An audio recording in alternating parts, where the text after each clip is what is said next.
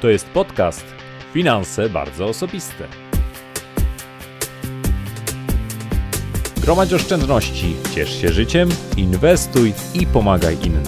Ja się nazywam Marcin Ibuć, a Ty słuchasz właśnie audycji o zdrowym i sensownym podejściu do życia i pieniędzy. Zaczynamy! Cześć, witam Was bardzo serdecznie w dziewiątym odcinku podcastu Finanse bardzo osobiste. Moim gościem i rozmówcą jest dzisiaj Łukasz Chmurski, adwokat, z którym porozmawiam na temat polis inwestycyjnych, a przede wszystkim na temat opłat likwidacyjnych w tych polisach i o tym, czy można je odzyskać, jak to zrobić, jak taki proces wygląda. Ale od razu na początku chciałbym Wam zwrócić uwagę na trzy ważne rzeczy. Po pierwsze, sprawa opłat likwidacyjnych i ich odzyskania wcale nie jest prosta. Zajmuje czas i myślę, że jak wysłuchacie dokładnie mojej rozmowy z adwokatem, będziecie wiedzieli, z czym tutaj możecie mieć do czynienia. Po drugie, decyzja wymaga bardzo głębokiego przemyślenia.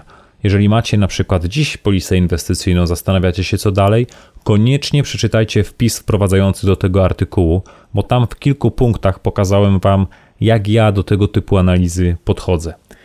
No i wreszcie po trzecie, kurczę, muszę Wam się przyznać, że ten temat mnie mega zmęczył. To znaczy temat polis inwestycyjnych. Być może wiecie, że opublikowałem trzy artykuły na ten temat i dzisiejszy podcast jest wraz z artykułem, to będzie taka czwarta część, mam nadzieję zamykająca już definitywnie ten temat. Zmęczył mnie on nie dlatego, że sam produkt jest trudny, skomplikowany, bo przeczytanie warunków tabeli opłat i prowizji przeliczenie w Excelu, nawet w jednym z pisów znajdziecie taki Excel do policzenia kosztów, wystarczy, żeby wyrobić sobie na temat takiego produktu zdanie ale zmęczył mnie przede wszystkim dlatego, że wśród moich czytelników, również wśród moich znajomych, jest przynajmniej paru doradców finansowych. I w przypadku wielu z nich, ich dochody w dużej mierze zależą od tego, ile polis inwestycyjnych uda im się sprzedać. W naturalny więc sposób y, cykl artykułów, który opublikowałem, no jakoś uderza w ten ich biznes. Bardzo różnie na to zareagowali. Byli tacy, którzy powiedzieli: No kurczę, faktycznie, policzyłem, nie zdawałem sobie sprawy, że opłaty w czasie mają tak duży wpływ na ten produkt inwestycyjny, ale takich było bardzo, bardzo niewielu. Wielu doradców zarzuciło mi, że pokazuje temat jednostronnie i zbyt subiektywnie. I coś w tym jest, no bo w końcu to jest blog, więc siłą rzeczy piszę w sposób subiektywny, bo dzielę się moją opinią. No ale z drugiej strony odpowiadałem im pytaniem na pytanie. No dobra, chłopaki, dobra dziewczyny, a jakby sprzedajecie te polisy? Wy sprzedajecie w sposób obiektywny, pokazujecie obiektywnie wszystkie opłaty, wskazujecie jakie są wady. Być może moje wpisy dla równowagi pokażą drugą stronę medalu. Jeżeli ktoś pozna Wasze argumenty, pozna moje, będzie miał możliwość podjęcia świadomej decyzji. No i wreszcie była też taka grupa, która powiedziała: Kurde, Marcin, no w porządku, nie lubisz tych polis, uważasz, że są zbyt drogie, no ale po co zaraz pisać o tym na blogu i po co robić wokół tego takie zamieszanie? No i im dedykuję pewną anegdotę. Pewien młody biznesmen, który odniósł ogromny sukces i miał mnóstwo pieniędzy, postanowił sprawić jakiś niesamowity prezent dla swojej mamy na Dzień Matki. Szukał różnych opcji, rozglądał się, chodził po różnych sklepach, nic nie przychodziło mu do głowy. Aż wreszcie pewnego dnia, idąc przez bazar, zobaczył klatkę z przepięknymi, niesamowitymi ptakami. Co więcej, to były ptaki niezwykłe – bo potrafiły śpiewać, potrafiły tańczyć i co najważniejsze, potrafiły przepięknie mówić. Nasz bohater ucieszył się bardzo, od razu kupił dwa, nie baczył na cenę 10 tysięcy złotych sztuka, zapłacił dwie dychy, spakował ptaki, wysłał do swojej mamy i czeka na telefon. Czeka, czeka, nic się nie dzieje. Po dwóch dniach sam chwyta za słuchawkę, dzwoni i mówi: No cześć, mamo, no jak tam prezent, jak te ptaki? No mama spokojnie mówi: O, no, no bardzo dobre te ptaki były. Mamo, no chyba nie zjadłaś ptaków. No, jeden kosztował dychę. One potrafiły śpiewać, potrafiły tańczyć. Mamo, te ptaki potrafiły mówić. A mama na to, kurczę, no, no to, no to mogły coś powiedzieć. No i dokładnie tak jest. Słuchajcie, jeżeli nie będziemy mówić o pewnych rzeczach, jeżeli nie będziemy otwarcie wyrażać swoich poglądów, no to obudzimy się ugotowani. I to dotyczy też produktów finansowych. Ja, może to jest naiwne, ale wierzę w to, że z czasem coraz więcej osób będzie miało świadomość, jak podejmować decyzje na temat produktów finansowych, jakie rzeczy brać pod uwagę, co jest tak naprawdę ważne. Jestem przekonany, że coraz większa grupa czytelników mojego bloga będzie takie decyzje podejmowała świadomie. I im więcej takich osób będzie, tym mniej będzie się instytucjom finansowo, finansowym opłacało puszczać na rynek buble, puszczać produkty zbyt drogie, zbyt mało korzystne, bo po prostu ludzie nie będą chcieli ich kupować. Marzy mi się taka scena, że przychodzi sobie w oddziale dyrektor banku i pyta: No to ile dzisiaj sprzedaliśmy tych produktów, tych polis? No nic nie sprzedaliśmy. No jak to nic nie sprzedaliśmy? Dlaczego? No nikt nie chce tego kupować, panie dyrektorze. No. Ludzie liczą. Dziwni się zrobili. Nie byłoby tak fajnie? Dlatego dalej będę konsekwentnie na moim blogu pisał o produktach fajnych fajnie, o produktach niefajnych niefajnie, bo taka jest rola tego bloga. Dlatego zachęcam Was bardzo serdecznie do jego śledzenia. Osoby, które mają inne opinie na ten temat, czy tych produktów, czy innych, serdecznie zapraszam do dzielenia się swoją opinią w komentarzu. Słuchajcie, ja uwielbiam opinie, które są przeciwne do moich, bo to dzięki nim można się rozwinąć. Bardzo dużo uczę się od Was, bardzo dużo uczę się od osób, które zostawiają swoje komentarze. O to chodzi. Chodzi o to, żeby myśleć. I jeżeli moje subiektywne zdanie kogoś tutaj ruszyło, serdecznie zapraszam do podzielenia się jego subiektywnym zdaniem, a czytelnikom i innym osobom dajmy po prostu możliwość podjęcia świadomej decyzji. No dobra, dobra, rozgadałem się. Czas już na rozmowę z prawnikiem. Serdecznie zapraszam do drugiej części audycji.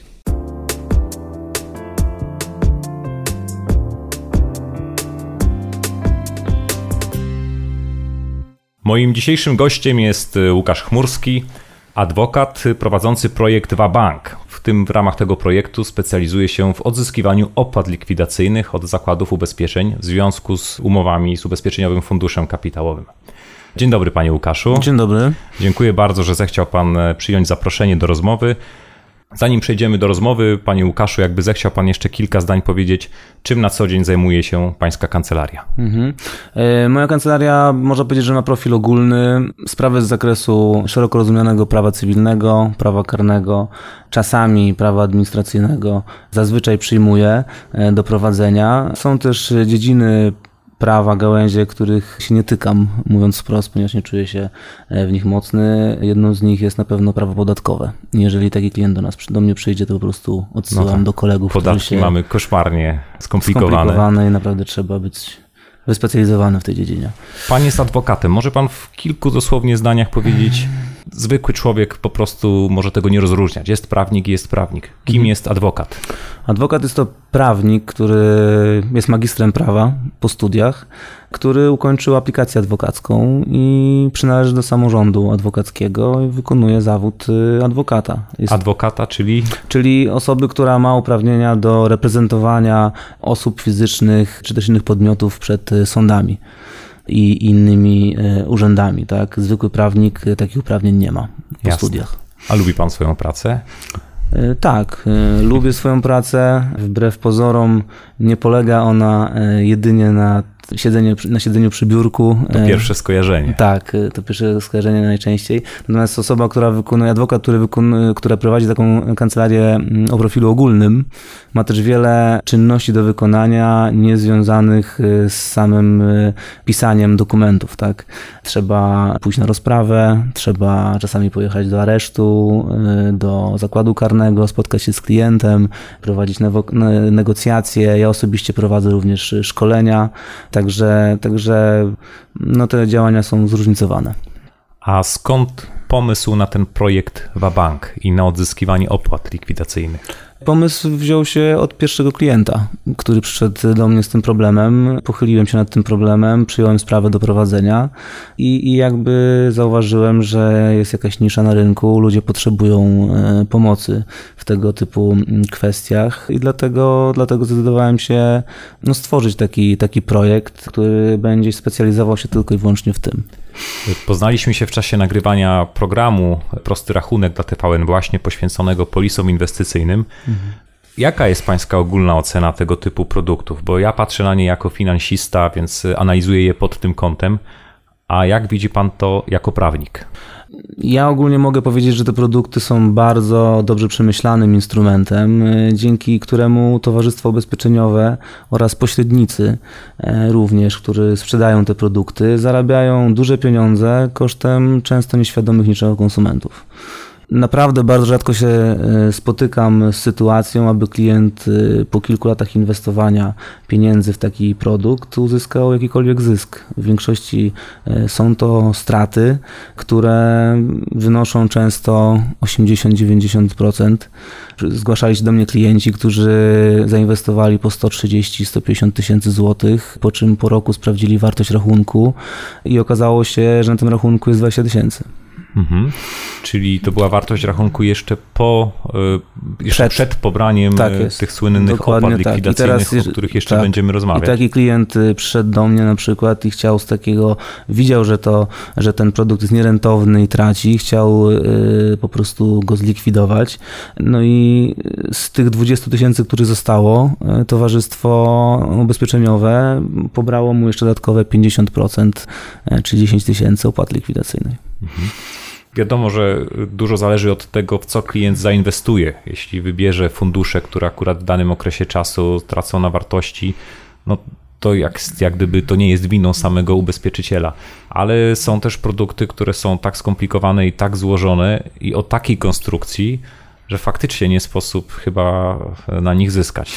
E, ja powiem tak, e, bardzo rzadko się spotykam e, z klientem, który sam podejmuje decyzję odnośnie inwestowania w, w te fundusze, który się na tym zna, jest świadomy pewnych mechanizmów i, i może sobie z tym poradzić. Najczęściej albo po prostu wybiera fundusze, które są mu zasugerowane przez pośrednika przy podpisywaniu umowy, a jeżeli zmienia, to również również bierze pod uwagę zdanie osoby, jakiegoś agenta, który obsługuje po prostu ten rachunek mhm. i, i mu mówi, e, w co powinien zainwestować, tak? Czyli co z Pana obserwacji wynika, że to niezadowolenie klientów wynika również z tego, że podpowiedziano im niewłaściwy sposób czy niewłaściwe fundusze, w które powinni zainwestować? Myślę, że tak, no, ponieważ ja nie znam statystyk. Nie wiem, ile statystycznie z tych funduszy zarabia, ile traci w Jasne. ramach danego, danego produktu, danego towarzystwa. Tak? Natomiast ja po prostu widzę, kto, kto przychodzi do mnie z jakim problemem i na tej podstawie twierdzę, że no naprawdę większa, zdecydowania większość klientów zanotowała duże straty. No, niewątpliwie to głównie tacy klienci również się do Pana zwracają, więc to też jest To trochę, prawda, to prawda. E, tak, no, a ci, którzy są zadowoleni, to są zadowoleni, ale zostawmy na razie już same fundusze i wpływ rynków kapitałowych na to, ile wynosi wartość inwestycji.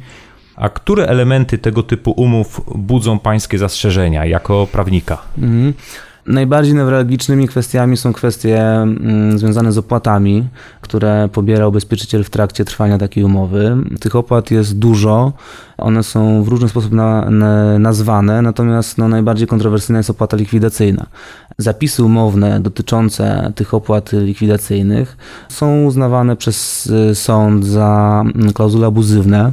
Sprawdzałem ostatnio, że już sześć zapisów związanych z opłatami likwidacyjnymi zostało uznanych jako klauzule abuzywne. Mhm. Ja, moim zdaniem jest ich więcej. Natomiast faktycznie jakby sukcesywnie tych y, klauzul abuzywnych związanych z tymi produktami jest, przybywa i taka opłata likwidacyjna po prostu ma na celu przywiązanie konsumenta do umowy i zmuszenie go do wieloletniego inwestowania pieniędzy w często zupełnie nierentowny produkt ponieważ jeżeli taki, taki konsument będzie chciał e, zakończyć taki produkt przed okresem, e, na jaki został zawarty, to po prostu w każdym przypadku zostanie obciążony opłatą, opłatą likwidacyjną, która może pochłonąć nawet 100% jego wpłat, 100% e, wartości rachunku. W naszej y, rozmowie jeszcze przed nagraniem wspominał Pan, że nie tylko same opłaty i zapisy umowne, ale również praktyki stosowane przez ubezpieczycieli budzą Pańskie zastrzeżenia. Co miał Pan tutaj na myśli? Tak, no takich praktyk jest bardzo dużo. Przede wszystkim jest to, w mojej ocenie, jest to oferowanie umowy ubezpieczenia jako bezpiecznej lokaty z wysokim zyskiem. E, jako pośrednicy przedstawiają te mm, polisy inwestycyjne jako substytut dla lokaty bankowej, z której w każdej chwili człowiek y, może wyciągnąć pieniądze, w każdej chwili może w nią pieniądze włożyć. Tak? Takie są relacje, rozumiem, klientów, którzy tak, zgłaszali często się do bardzo, bardzo często klienci mówili mi, że przychodzili do banku celem y, założenia lokaty bankowej, mówiąc kolokwialnie, i y, ten pracownik banku, który okazywał się później pośrednikiem, mówił, że owszem, taką lokatę może pan, pani założyć, natomiast mam dla pani bardziej korzystny produkt. Jest to właśnie polisa, umowa ubezpieczenia z funduszem kapitałowym i dzięki temu ominie pani podatek belki. Klasyka. Tak. I, i, w, I taka osoba mm, nie wiedziała, że to jest y, produkt długoterminowy, że trzeba, mm, nie została poinformowana, że umowa, do której przystępuje, jest umową ze składką regularną, płatną na przykład co miesiąc czy przez rok, przez następne na przykład 15 lat. E, dowiadywała się o tym dopiero wtedy, kiedy na przykład za rok dostała wezwanie do zapłaty takiej składki. Tak, tak czasami nawet e, tak zwane działy windykacji się kontaktują z klientami w takich sytuacjach, e, co oczywiście skutkuje ich dużym zaskoczeniem. No dobrze, ale przecież klient przychodząc do doradcy czy do banku podpisuje umowę, dostaje dokumenty, oświadcza w nich, że zapoznał się z wszystkimi zapisami i rozumie to, co kupuje, mhm. no to czy ci klienci nie są trochę sami sobie winni? Patrząc na to tak ogólnie, faktycznie można takie, taką tezę sformułować ponieważ co zasady mamy swobodę zawierania umów y, no w naszym kraju i każdy podpisuje to, na co ma ochotę. Natomiast no, trzeba jednak y, powiedzieć, że taka umowa ubezpieczenia na życie z, ubezpieczeniem, z ubezpieczeniowym funduszem kapitałowym y, jest umową bardzo skomplikowaną. Mm, nie jest to klasyczna forma ubezpieczenia osobowego, tylko, tylko umowa, która łączy w sobie elementy umowy ubezpieczenia i elementy umowy o charakterze inwestycyjnym. I właśnie to połączenie sprawia, że, że ta umowa naprawdę jest trudna do, do analizy przez osobę, która nie jest przygotowana do tego merytorycznie. A jak pan, jako prawnik, czyta takie umowy, jakie pan ocenia? Ja oceniam y, jako, mówię, bardzo skomplikowane. Mogę nawet powiedzieć tyle, że sam czasami mam problem z na przykład y, z wyliczeniem y, opłaty likwidacyjnej, ponieważ często ona jest przedstawiona w, w postaci wzoru matematycznego, pod który, po, z różnymi symbolami, pod które potrzeba podstawiać wartości zmienne, typu na przykład czas trwania takiego produktu, czy wartość aktualną rachunku. I bywały takie sytuacje, kiedy kiedy wraz ze współpracownikami próbowaliśmy wyliczyć wartość przedmiotu sporu przed wniesieniem e, powództwa do sądu i po kilkukrotnej analizie takiego e, wzorca umownego e, nie byliśmy w stanie prawidłowo tego wzoru wyliczyć. I, i posiłkowałem się opinią mojego znajomego, który skończył matematykę. No to jest, to jest sytuacja kuriozalna, bo jeżeli ja nie jestem w stanie jakby wyliczyć takiego, takiej opłaty likwidacyjnej, i to w jaki sposób może to zrobić e, przeciętny konsument. Na pańskiej stronie internetowej przeczytałem takie zdanie. Pomagamy szybko zlikwidować polisolokatę oraz odzyskać środki pobrane tytułem opłaty likwidacyjnej. Mhm. Na czym ta pomoc polega? Moja kancelaria świadczy pomoc kompleksową, a jej zakres każdorazowo zależy od etapu, na jakim znajduje się sprawa klienta, który się do nas zgłosi. E, natomiast jeżeli klient przychodzi do nas z jeszcze aktywną polisą, no to, to zakres naszych usług, jaki, jaki, jakie możemy mu zaoferować, jest naprawdę szeroki. Po pierwsze, możemy w jego imieniu e, wypowiedzieć taką polisę. Następnie e, wzywamy do zapłaty, do zwrotu takiej opłaty likwidacyjnej ubezpieczyciela. E, jeżeli takie wezwanie okaże się bezskuteczne, wtedy wnosimy pozew przeciwko towarzystwu do sądu powszechnego i reprezentujemy takiego klienta aż do uzyskania prawomocnego wyroku w sprawie niezależnie od tego, czy, czy sprawa oprze się na, o drugą instancję, czy zakończy na pierwszej. E, jeżeli wyrok jest pomyślny, a dłużnik nie chce dobrowolnie zapłacić, włączamy się również do postępowania egzekucyjnego. Hmm, czyli zdarzają się też takie E, sytuacje? Bardzo rzadko, raczej towarzystwa są Wyrok, wypłacalne. Tak, wyrok. tak. Natomiast no, oczywiście możemy, jeżeli taka, taka potrzeba będzie, no to jesteśmy w stanie oczywiście taką usługę również świadczyć. E, No jeżeli na jakimkolwiek etapie takiego sporu pojawi się szansa na zawarcie ugody, która by była satysfakcjonująca dla, dla takiego klienta, no to bierzemy udział w negocjacjach, radzimy mu, temu klientowi w tym zakresie. No i jeżeli uda się wypracować satysfakcjonującą treść takiej ugody, to również podpisujemy ją w jego imieniu i monitorujemy realizację jej postanowień. Jak wygląda sytuacja osób, które swoją polisę rozwiązały jakiś czas temu, 3, 5, 7 lat temu? Czy one również mogą dochodzić swoich praw do odzyskania tego, tytułu, z- tego typu opłaty? E, Jak najbardziej. E, Sytuacja e, takich osób nie różni się od sytuacji osoby, która rozwiązała taką umowę pół roku temu. Roszczenie o zwrot takiej opłaty likwidacyjnej jest roszczeniem z tytułu bezpodstawnego wzbogacenia Towarzystwa Ubezpieczeniowego i takie roszczenie przedawnia się z upływem lat 10.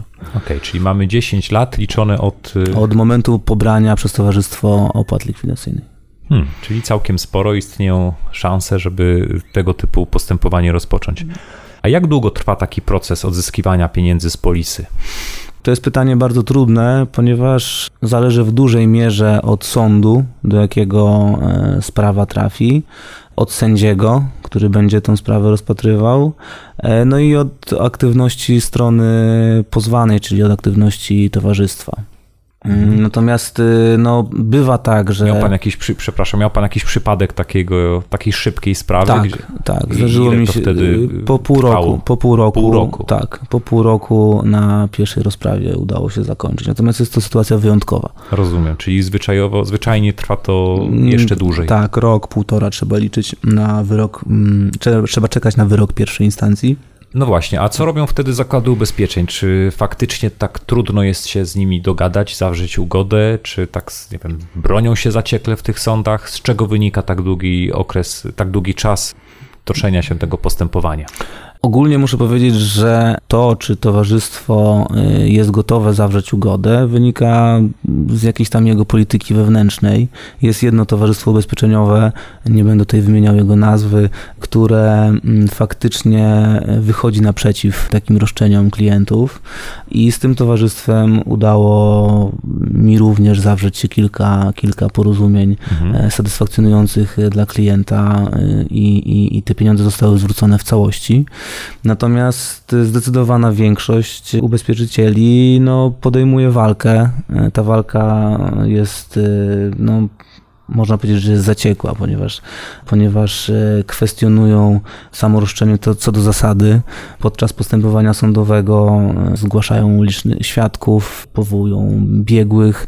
Na te opinie biegłych się czeka. Trzeba też e, za nie zapłacić. Ostatnio na przykład za opinię biegłego, biegłego aktuariusza zaliczka na, na, na taką opinię mm, wynosiła 4,5 tysiąca złotych, także to nie są małe koszty. Mhm. To są pieniądze, które musi pokryć klient w czasie toczenia się postępowania? Mm, Nie, jeżeli taką, e, taką opinię, o taką opinię wnioskuje towarzystwo ubezpieczeniowe, no to ona, ona, ona Rozumiem. ten towarzystwo pokrywa tę opłatę. Natomiast e, jeżeli by się okazało, że sprawa zostanie przegrana przez klienta, to ta opłata wchodzi do kosztów sądowych i te koszty sądowe są pokrywane przez osobę, która taką sprawę przegrywa. Jasne. A jaki odsetek w takim razie tego typu postępowań kończy się sukcesem i odzyskaniem opłaty likwidacyjnej? Zdecydowana większość. Y, Ja osobiście nie przegrałem do tej pory jeszcze żadnej sprawy związanej y, z, z polisolokatami. Natomiast śledzę, orzecznictwo sądów w tej materii i pojawiają się od czasu do czasu wyroki oddalające. Natomiast no, orzecznictwo można powiedzieć, że jest y, sądowe jest w miarę jednolite. Y, Czyli raczej sądy przychylają się do tego tak, wniosku. jeżeli jest dobrze pop- poprowadzona sprawa, sytuacja jest, y, że tak powiem, jasna, osoba nie jest na przykład profesjonalistą, klient nie jest profesjonalistą w dziedzinie na przykład finansów, że mógł przewidzieć ocenić właściwie ryzyko takiego produktu, no to, to, to w większości przypadków te wyroki są zasądzające. Natomiast zawsze jakieś, jakieś ryzyko istnieje, że sprawę można przegrać. Wśród tego typu produktów są dwa rodzaje ubezpieczeń: ubezpieczenia indywidualne i ubezpieczenia grupowe. Na czym polega różnica i jak różni się również sytuacja klienta, który na przykład ma polisę grupową? Grupowe ubezpieczenie na życie z, z funduszem kapitałowym to umowa, którą zawiera bank lub pośrednik finansowy na rachunek swoich klientów. Czyli klient nie jest w ogóle stroną, stroną umową. umowy. Dokładnie tak. No i wiąże się z tym faktem, że konsument nie jest nawet stroną umowy ubezpieczenia. Wiele, znaczy traci wiele ustawowych uprawnień, tak, które by mu przysługiwały, gdyby, gdyby taką stroną umowy był.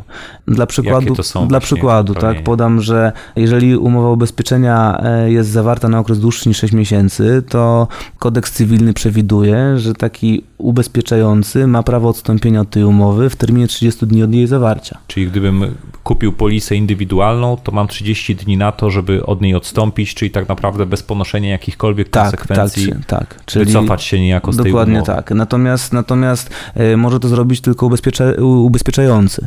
E, W polisie e, grupowej ubezpieczającym jest pośrednik, Mhm. a konsument jest ubezpieczonym, czyli nie ma jakby, to, to uprawnienie mu nie przysługuje. Czyli przystępując do polisy grupowej, koniec klamka zapadła, ja nie mogę się z niej, No tak, znaczy w praktyce Znaczy- wygląda to w ten sposób, że...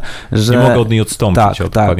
Natomiast w praktyce wygląda to w ten sposób, że takie prawo do odstąpienia czasami jest przyznawane również y, tym ubezpieczonym, E, natomiast często jest skrócony czas, na przykład do kilku dni, albo a samo odstąpienie od umowy skutkuje na przykład pobraniem właśnie opłat likwidacyjnych. Mm, Czyli w, w, inaczej niż w przypadku odstąpienia, bez żadnych Tak jest. konsekwencji w przypadku umowy indywidualnej. Tak jest.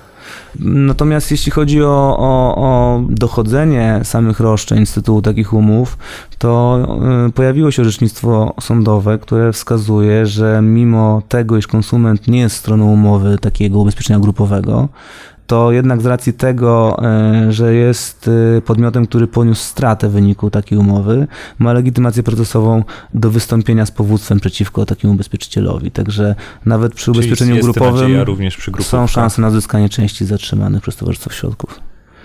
Wspomnieliśmy wcześniej o klauzulach abuzywnych. Mhm. Jeżeli takie klauzule znajdują się w naszej umowie, co to oznacza? Czy zakład ubezpieczeń jest zobowiązany coś zrobić? Czy to w jakikolwiek sposób polepsza naszą sytuację? Zakład ubezpieczeń, nawet jeżeli mm, taka klauzula abuzywna znajduje się w jego wzorcu y, umownym, y, w większości przypadków zaprzecza temu. Natomiast Oczywiście y, polepsza nam y, naszą sytuację ten fakt o tyle, że y, możemy wystąpić do sądu z żądaniem, jeżeli towarzystwo jakby nie przychyli się do tej tezy, możemy wystąpić do sądu z żądaniem o ustalenie, żeby sąd ustalił, że dana klauzula jest niedozwolona. Jeżeli sąd zgodnie z naszym wnioskiem taki fakt ustali, to ta klauzula nas nie wiąże. Czyli cała umowa obowiązuje, natomiast klauzula niedozwolona, abuzywna nie. I jeżeli ta klauzula dotyczy opłat likwidacyjnych, No właśnie, bo to po prostu środki pobrane tytułem zapisu umownego, który jest niedozwolony i nie obowiązuje, jest, są bezpodstawnym wzbogaceniem takiego towarzystwa i właśnie na tej podstawie możemy żądać ich zwrotu. zwrotu pieniędzy pobranych Dokładnie jako opłata tak. likwidacyjna. Dokładnie tak. Chciałbym się jeszcze zapytać o dwa rodzaje możliwości dochodzenia swoich praw. Pozew indywidualny lub pozew zbiorowy. Te pozwy zbiorowe są coraz bardziej popularne, przynajmniej coraz częściej słyszy się o nich. Mhm. Którą drogę rozsądniej jest wybrać? Ja prowadzę jedynie powództwa postępowania indywidualne. Natomiast dochodzenie roszczeń w postępowaniu grupowym ma też swoje plusy. Plusem jest ich y, mniejszy koszt. Y, Czyli mówiąc wprost, y, opłata sądowa od pozwu w postępowaniu grupowym wynosi 2% od roszczenia, którego, które, które żądamy. Natomiast w roszczeniu indywidualnym, w powództwie indywidualnym, opłata sądowa wynosi 5% wartości przedmiotu sporu. Natomiast y, trzeba brać pod uwagę to, że jeżeli sprawę się uda wygrać, to wartość tej opłaty sądowej i tak zostanie zwrócona przez stronę przegrywającą, czyli w tym wypadku przez towarzystwo ubezpieczeniowe.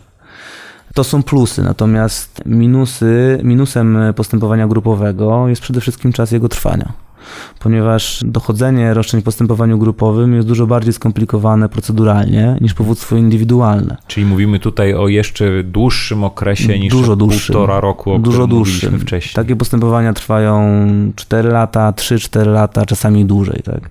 Ponieważ e, przede wszystkim na początku trzeba zebrać odpowiednią, e, odpowiednio liczną grupę osób, które m, posiadają roszczenie wynikające z tego samego produktu ubezpieczeniowego, co też samo w sobie trochę trwa. Następnie Następnie należy pogrupować te osoby w taki sposób, aby każda grupa miała taką samą wysokość roszczeń. Tak, te grupy muszą być tak jednolite. Mhm. Następnie po wniesieniu powództwa sąd w pierwszej kolejności bada pozew pod kątem formalnym czyli e, zastanawia się nad tym, ustala, czy roszczenie takie e, objęte powództwem nadaje się w ogóle do rozpatrywania w trybie pozwu zbiorowego. No mieliśmy właśnie ostatnio nawet przypadki pozwów, chyba w przypadku kredytów we frankach szwajcarskich, że sąd odrzucił, od, odrzucił tak to jest. właśnie ze względów mhm. takich formalnych, niezwiązanych jakby Dokładnie z istotą tak. samej, samej I ten etap tego postępowania, e, kiedy sąd bada pod kątem formalnym ten pozew, przy dużej inicjatywie strony pozwanej, która wykazuje, że to roszczenie nie nadaje się do, do, takiego trybu, on trwa bardzo długo i tak naprawdę y, możemy poświęcić czas na zebranie tej odpowiedniej, y, odpowiednio licznej grupy osób, wszystko pozew napisać, wnieść, potem y, jakby dowodzić przed sądem, że to, że to roszczenie nadaje się do rozpatrywania w trybie pozwu zbiorowego i finalnie ten pozew zostanie odrzucony. I na samym końcu, jeżeli sąd uzna, że faktycznie ten tryb tutaj może mieć zastosowanie, no to dopiero przechodzi do merytorycznego rozpoznania sprawy. Spróbujmy na koniec y, podsumować to i ułożyć w takie konkretne kroki dla osób, które chciałyby odzyskać opłatę likwidacyjną, którą pobrano od nich w momencie zlikwidowania polisy. Załóżmy, że minął już y, jakiś czas, ktoś rozwiązując taką umowę nie miał świadomości, jak, jak bardzo wysoka opłata zostanie pobrana. Machnął na tą ręką, ale teraz chciałby jednak ten temat rozgrzebać, mówiąc brzydko, i te pieniądze chciałby odzyskać. Od czego zacząć, jakie zebrać dokumenty i jak krok po kroku to realizować? Zacznijmy może właśnie od tych dokumentów. Co będzie potrzebne, żeby w ogóle rozpocząć tutaj dochodzenie tych swoich praw? Wiadomo, że najlepiej e, posiadać komplet dokumentów, czyli polisę, ogólne warunki ubezpieczeń, tabelę opłat, jakąś korespondencję, e, na przykład mailową z takim towarzystwem ubezpieczeniowym i z pośrednikiem. Natomiast zgłaszają się do nas klienci, którzy nie posiadają absolutnie nic, nie otrzymali od towarzystwa nawet polisy i na przykład przychodzą do nas tylko z potwierdzeniem, e, z wyciągiem bankowym, który dowodzi na to, że wpłacali składki składki opłacali, tak. I jeżeli mamy numer takiej polisy, takie nawet potwierdzenia, to po prostu w takim pozwie wnosimy o to, żeby sąd zobowiązał pozwane towarzystwo do przedłożenia pełnej dokumentacji no tak. i to się da zrobić. Także jeżeli ktoś jest zdeterminowany, żeby jakby takie postępowanie wszcząć, to naprawdę e, niewiele trzeba. Nie jest, nie jest, nie jest dużą przeszkodą. Czyli przychodzimy do pana, pokazujemy dokumenty lub nie, mówimy tylko, że jest taka sytuacja, co dzieje się dalej? Przede wszystkim my analizujemy, ja analizuję dany produkt, czy w tym produkcie te klauzule abuzywne w moim odczuciu się znajdują. Jeżeli uznam, że tak, że mogę zająć się taką sprawą, no to ustalam z takim, z takim klientem warunki współpracy. W jaki sposób wygląda to od strony kosztów ponoszonych przez klienta? Mam tutaj na myśli honorarium kancelarii. My mamy dwa systemy rozliczeń z naszymi klientami. Pierwszy z nich jest standardowy, czyli zapłata z góry za naszą pracę, a drugi, można powiedzieć, taki quasi, quasi prowizyjny klient y, na samym początku. W Polsce, przepraszam, prawnicy chyba nie mogą się rozliczać na zasadzie dlatego, prowizji. Dlatego właśnie y, na samym początku pobieramy od takiego klienta kwotę rzędu na przykład 100 zł, a następnie umawiamy się na wynagrodzenie prowizyjne już po zakończeniu prawomocnym sprawy i wyegzekwowaniu pieniędzy od Towarzystwa Ubezpieczeniowego.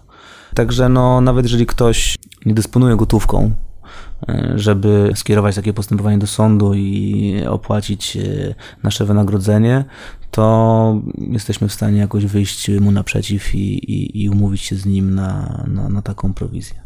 Mhm, ja rozumiem, że ze względu na konkurencję i na to, że różne kancelarie działają, nie możemy wprost powiedzieć, tym bardziej, że to zależy od indywidualnej sytuacji danego klienta i danej sprawy, ile zostanie pobrane, ale tak orientacyjnie nie wiem, czy możemy pokusić o jakieś estymacje, czy to jest połowa takiej opłaty, czy to jest mniej, czy to jest jeśli chodzi o wynagrodzenie standardowe, to nasze honorarium najczęściej zawiera się między, w widełkach między 3 a 10% wartości przedmiotu sporu. No, Natomiast no, jeśli chodzi o wynagrodzenie prowizyjne, to quasi-prowizyjne, e, no jest to najczęściej około 19%.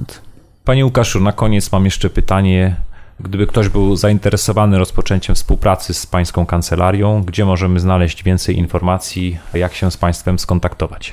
Zapraszam na stronę zwrotpolisolokaty.pl, tam są wszystkie dane, numer telefonu, mail.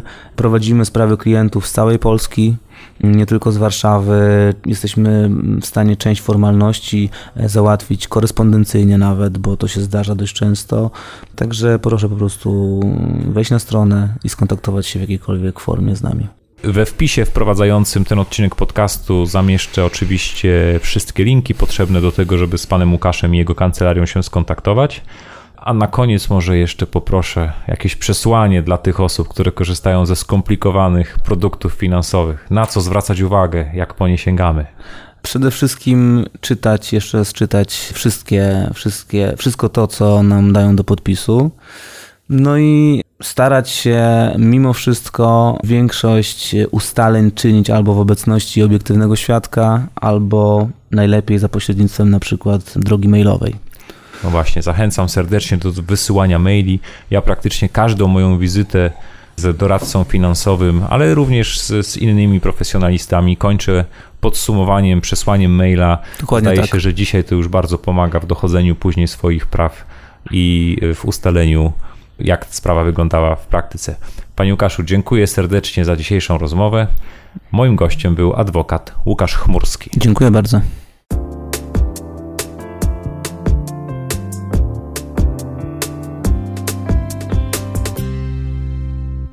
Hej, hej, tu znowu ja.